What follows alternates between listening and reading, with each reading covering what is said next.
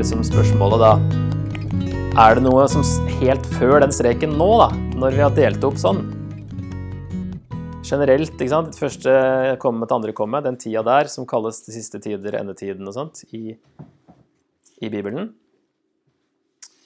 Er det noen tegn, og er det noe spesielt som skal skje rett før Jesus kommer andre gangen? Er jo da kanskje spørsmålet som vi lurer mest på. Hva er tegnene for det andre komme? Og nå skal dere bare få litt sånn eh, innblikk i forskjellige tidslinjer og scenarioer. Så nå kommer det noen sånne svære ord og sånne ting. Vi skal bare ta et raskt eh, blikk på det, da. Det første her er den dispensasjonalistisk premillennialisme, som da var tenkt left behind. Eh, og nå har jeg, nå har jeg eh, forenkla den så mye som mulig, da. Men mellom Jesu første og eh, andre komme så tenker man da opprykkelsen, og så den store trengsel, som man tenker varer i sju år. Så kommer Armageddon, som er en krig. Så kommer Jesu gjenkomst der, faktisk. Så kommer tusenårsriket, bokstavelig tusen år, Jesu jordiske rike fra Jerusalem. Så er det Gog og Magog-krigen, Satans siste opprør før dommen, og så ny himmel og ny jord. Så da har man spredt det litt utover. Og har med opprykkelsen i tillegg, da. Og så er det selvfølgelig forskjellige tidspunkt for eh, opprykkelsen. At man kan mene Dette er jo pre millennialisme, at Jesus kommer igjen før tusenårsriket, men likevel så kan man ha opprykkelsen før de eh, sju år, midt i de sju år, eller på slutten av de sju år. Som eh, som sagt er ganske ungt, 1800-tallet.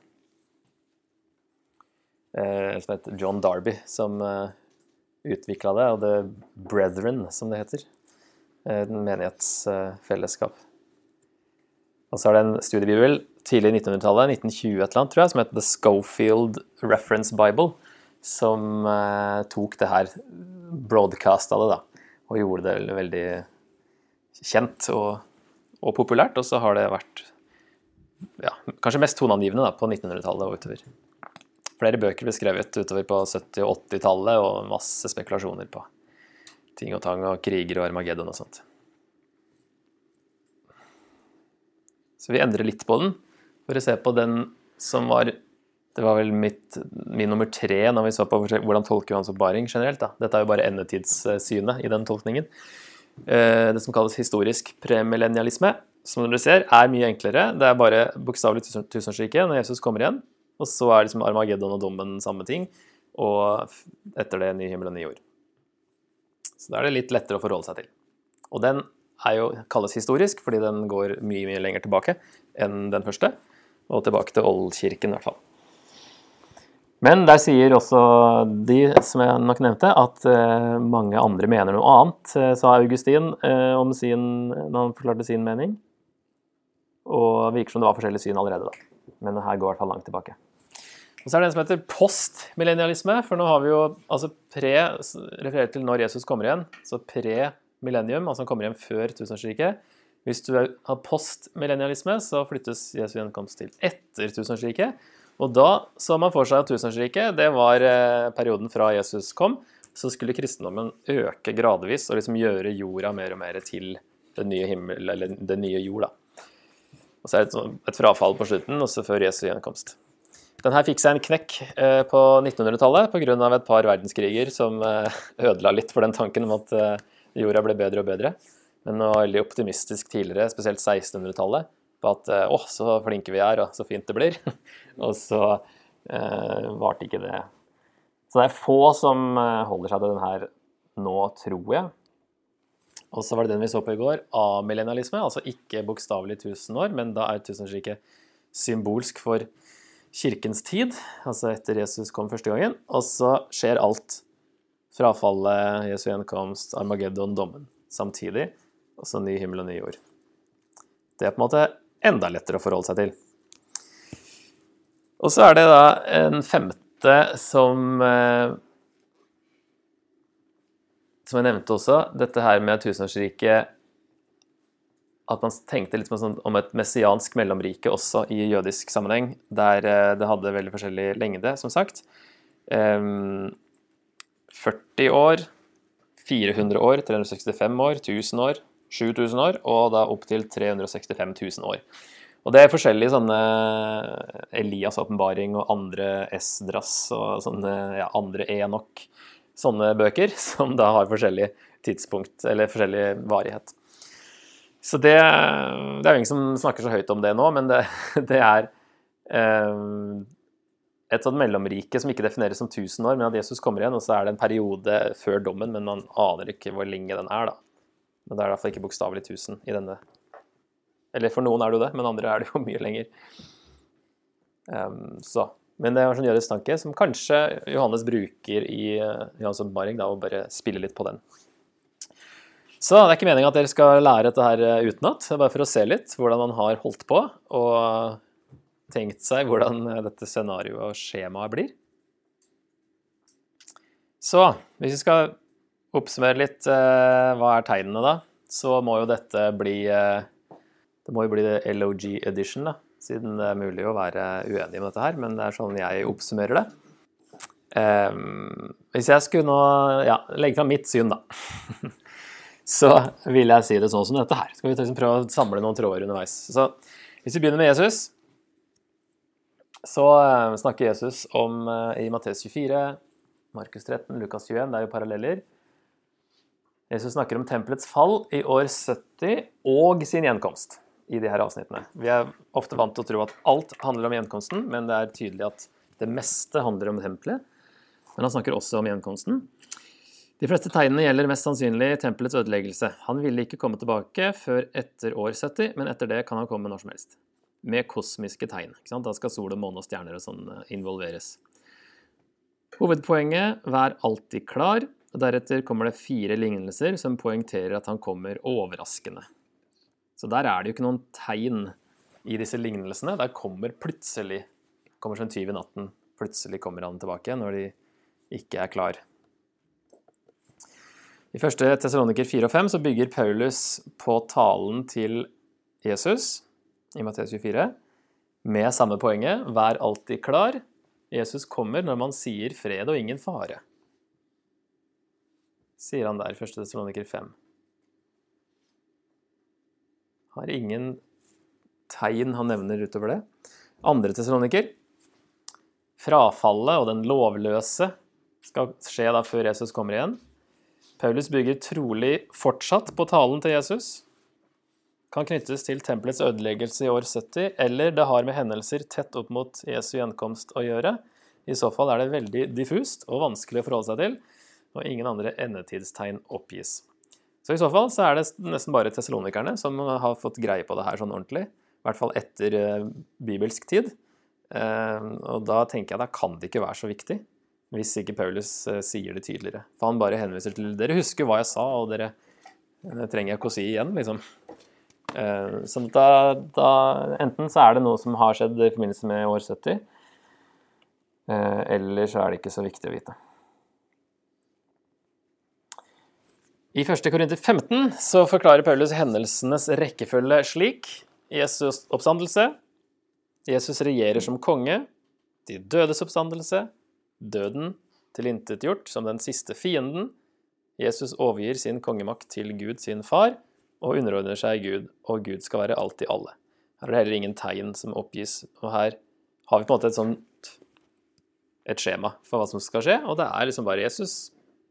Han står opp, han regjerer som konge nå, og så står de døde opp, og døden overgis, og Jesus jeg si, Gud blir alltid alle. Og så er det veldig sånn enkelt skjema. 2. Peter 3,10, der kommer Jesus som en tyv i natten. Uten at noen tegn nevnes der heller. Åpenbaringen 20 er det eneste stedet tusenårsriket nevnes. Sannsynligvis ikke bokstavelig ment i denne sjangeren, siden det er vanskelig å finne plass til det i skjemaet i NT. Her f.eks. må du putte det inn et sted som Paulus eh, ikke har tatt med, da, mellom to av de punktene Paulus sier. Eventuelt må det være ny informasjon som bare Johannes fikk, da, at Paulus ikke visste om det. Men jeg holder en knapp på at det er at sjangeren som gjør at det dukker opp der. Antikrist nevnes bare i første og andre Johannes brev, og der er de mange, og de har allerede kommet. Muligens samme som den lovløse i andre test 2, mens dyret i åpenbaringen virker å være keisermakten i det første århundret. Men det er vanlig å liksom koble alle de sammen. Men det er ikke så innlysende at alt skal henge sammen. Men Johannes sier òg, som dere har hørt, at Antikrist skal komme. Så har det allerede kommet. Så de hadde jo en forventning om en eller annen sånn Antikrist-figur. Men Johannes sier at det er faktisk mange av de, de er allerede kommet. Antikrist ånd er allerede her. Um, men det er litt Ja, noen spørsmålstegn der ved å koble alt sammen som antikrist. I hvert fall dyret i åpenbaringen. Ett av dyrene i åpenbaringen. Så, men for å oppsummere dette her, sånn hvis jeg går gjennom Dette er jo Nytestamentet, da vi skal se litt på GT etterpå. Um, så uh, Hovedpoengene her, når vi snakker om liksom hva tegnene er, da, så skal jo ingen vite når det skjer. Det sies jo mange ganger. Det er jo hele poenget. Her er Matteus, Lukas, 1. Tessaloniker, 2. Peter og åpenbaringen. Ingen skal vite når det skjer. Og så har vi vært veldig glad i å prøve å finne ut når det skjer. Men det skal være overraskende. Samtidig så skal ingen være i tvil om at det skjer, fordi det skal være synlig over hele jorda, og ingen skal kunne si at eh, Jesus har kommet igjen uten at alle vet det. Eh, hovedpoenget hans i Matteus 24 er jo at eh, vi skal være klar som om det skjer i morgen. Uansett. Det skal ikke ha noe å si når han kommer. Vi skal leve som om han kommer om fem minutter. Alltid. Um, det i hvert fall sies så mange ganger at uh, og, og, som folk har sagt, da, Jesus sier at uh, ingen kjenner dagen eller timen. Og så har noen tenkt at vi kan vite året. At vi kan i hvert fall prøve å finne ut året. da. Og det er å prøve å finne sånn smutthull, føler jeg, i hva Jesus sier vi skal være opptatt av. En tredje ting er at misjon er viktigere enn å finne ut når Jesus kommer. For når disiplene spør i Apostelens gjerninger 1, mens de var sammen, spurte de ham, Herre, er tiden nå kommet da du vil gjenreise riket for Israel? Han svarte, det er ikke dere og gitt å kjenne tider og stunder, som far har fastsatt av sin egen makt. Men dere skal få kraft når Den hellige ånd kommer over dere, og dere skal være mine vitner. I Jerusalem og hele Judea, i Samaria og helt til jordens ende. Ikke, sant? ikke bry dere om det her. I stedet, vær vitner tydelig her at Jesus syns det er mye viktigere enn å drive og lure på når skal han gjenreise riket. Som var naturlig å spørre, fordi det ble sett på som én hendelse. sant? At når Messias kom, så skulle jo alt bli fiksa. Og så spør de jo helt naturlig er det nå det skal skje. Og så sier han det skal ikke dere bry dere med. Dere skal være vitner i stedet. Og så har jeg lagd en side til her da, som går på dette her med Israel og eventuelt en tredje verdenskrig. Som de to henger ofte sammen for mange. At et eller annet skal skje med Israel i sentrum. Uh, igjen er det log edition, så det, får jeg gjøre med det som dere vil. Men uh, det jeg tenker, da. Relevante tekster, kort oppsummert. Ting som vi har sett på tidligere i GT, spesielt profetene, da, som snakker om uh, sånne ting. Denne Gog-Magog-krigen i Esekiel 38-39 er etter min mening symbolsk for Guds endelige dom over verdens ondskap, ikke en bokstavelig krig mot Israel. Eh, Daniels bok handler generelt om tiden fram til Jesu første komme, inkludert år 70. Ikke hans gjenkomst. Endetiden er slutten på det greske riket før Jesus kom første gang, og ikke endetiden før andre gang. Eh, Joel 3 snakker om Josjafats dal, der alle nasjonene skal dømmes. Jeg tror ikke det er geografisk i Israel at det skal skje, siden Josjafat betyr 'Herren dømmer'.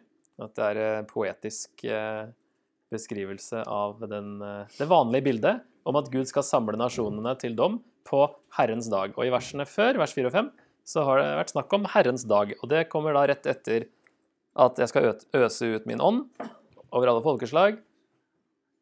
Og øh, sol og måne og røykskyer og forskjellige ting, på Herrens dag.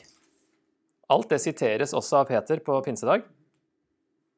Selv om det er jo bare første delen som skjer da, med ånden, men det henger sammen med Herrens dag, da liksom dommen kommer. Så jeg, hvis man leser det mer eller mindre kronologisk, da, så er det egentlig bare et videre bilde på dommen. Og bruker da Josjafat, altså kong Josjafats navn, for å symbolisere den dommen. Ok, som dere kanskje ser, så er jo nå er det jo de her mest eh, apokalyptiske profetene som eh, trekkes fram her, da. Og det er jo kanskje et poeng også å ta med når det er snakk om eh, en eventuelt sånn krig. Vi har også Zakaria, de tre siste kapitlene der, som ikke er en krig mot Israel, men mot Jerusalem. Det er i hvert fall viktig å få med seg, for de brukes ofte også i den sammenhengen her om at det skal være en krig mot Israel, men det står faktisk mot Jerusalem, og Juda skal også være med mot Jerusalem. Og da tenker jeg at det er det nye åndelige Jerusalem, altså menigheten, eh, og motstand mot Guds folk generelt, da. Ikke, ikke jordiske Israel. Eh, siste profetboka, som vi har sett på nå, da, Johans åpenbaring, så er Armageddon dommen over nasjonene som skjer på dommens dag. Boka beskriver heller ikke en atomkrig, men Guds dom med et rikt apokalyptisk symbolspråk. Så eh, dette er tekstene, og så har jeg noen påstander.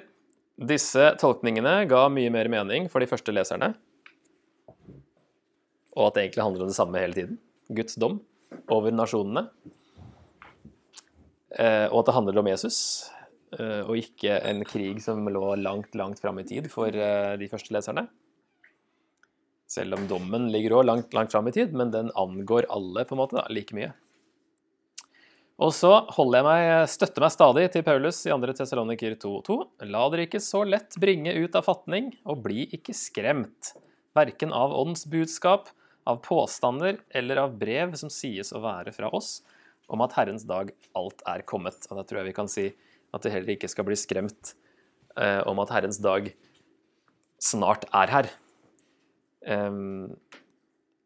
La dere ikke så lett bringe ut av fatning. altså ikke bli forvirra og begynne å vakle og tvile og bli skremt. Verken av åndsbudskap, altså folk kan få budskap eh, fra ja, åndelige budskap, da. Eh, eller påstå at de har fått det. Påstander generelt. Nå er det jo mine påstander her, men jeg tror ikke de skremmer så mange. og at det er, ikke, det er poeng for Paulus der i hvert fall at man ikke skal bli skremt. Og så er jo der han fortsetter å snakke om den lovløse og forteller om dere vet jo allerede hva som skal skje. ikke sant? Sånn at eh, det er ikke noe nytt på en måte enn det han har eh, lært dem som en fersk menighet i starten. Og jeg tenker jo at han eh, som sagt bygger veldig på Jesus sin tale der, da. Matteus 24 og parallellene. Og så er det jo ofte sånne profetier som kommer som, og bøker som skrives om ting som skal skje, og tegn på det og sånne ting. Og så her i Norge så er det den herre Valdres-profetien som dras fram igjen innimellom. Jeg vet ikke om dere har hørt om den? Um, en dame i Valdres uh, Det er vel lenge siden. Var det tidlig 80-tallet eller noe sånt? Eller før det? At, kanskje før det, ja. Der hun sier ting som hun ikke kunne vite om hvordan ting skulle bli. Eh, og som det nå stemmer har blitt. sant? Eh, og som, som, da snakker om en krig, så vidt jeg husker. Eh, og Jesu gjenkomst, da. Da tenker jeg jeg tenker først dette her. Ikke bli skremt. Verken av åndsbudskap eller, brev. Nå er det ikke fra Paulus, men andres brev. Og så tenker jeg at vi har det vi trenger i Bibelen. Vi trenger ikke profetier og flere åpenbaringer som da uansett ikke vil bli kringkasta til alle kristne i hele verden, så alle kan vite det samme. Det blir litt urettferdig hvis liksom bare Norge har hørt om denne Valdres-profetien, og så skal vi plutselig vite litt Oi, det skjer en atomkrig nå, ja. Eh, eller så må det være at det liksom lignende ting i alle kulturer. Men jeg syns det blir litt urettferdig likevel. Da. At det er mer eh, rettferdig hvis det som står i Bibelen, er det vi trenger å vite. Og så kan det være at det er noe sant i de tingene der, men jeg pleier å Jeg innser at jeg tar en inntar en sånn litt sånn eh, distanse til eh, sånne ting. Fordi det har vært så veldig mye sånn som ikke har skjedd heller. Så siste punktet her er at Jesus kommer overraskende, uten tegn som leder opp mot det, men med kosmiske tegn når det skjer. Er min uh, forståelse av ting. At det skal være synlig sol og måne og stjerner og sånne ting når han kommer. Ok, avslutning. Eh, hva gjør vi mens vi venter? Har jeg noen enkle punkter? da? Det er jo å være klar. Det er å ikke bli sløv om det drøyer, som Jesus snakker om, og andre Peter også. Det er å arbeide eller drive misjon, som eh, både Jesus og Paulus snakker om. Og ikke spekulere på tider og tidspunkter. Og så har jeg et uh, sitat helt til slutt, for å rette blikket på Jesus i dette her også. Eskatologiens hjerte er ikke når eller hva, men hvem. Ikke en tidsplan, men en person. Det er Jesus som er sentrum, og ikke en tidsplan, og ikke når og hva og alt det greiene som vi ofte blir opptatt av.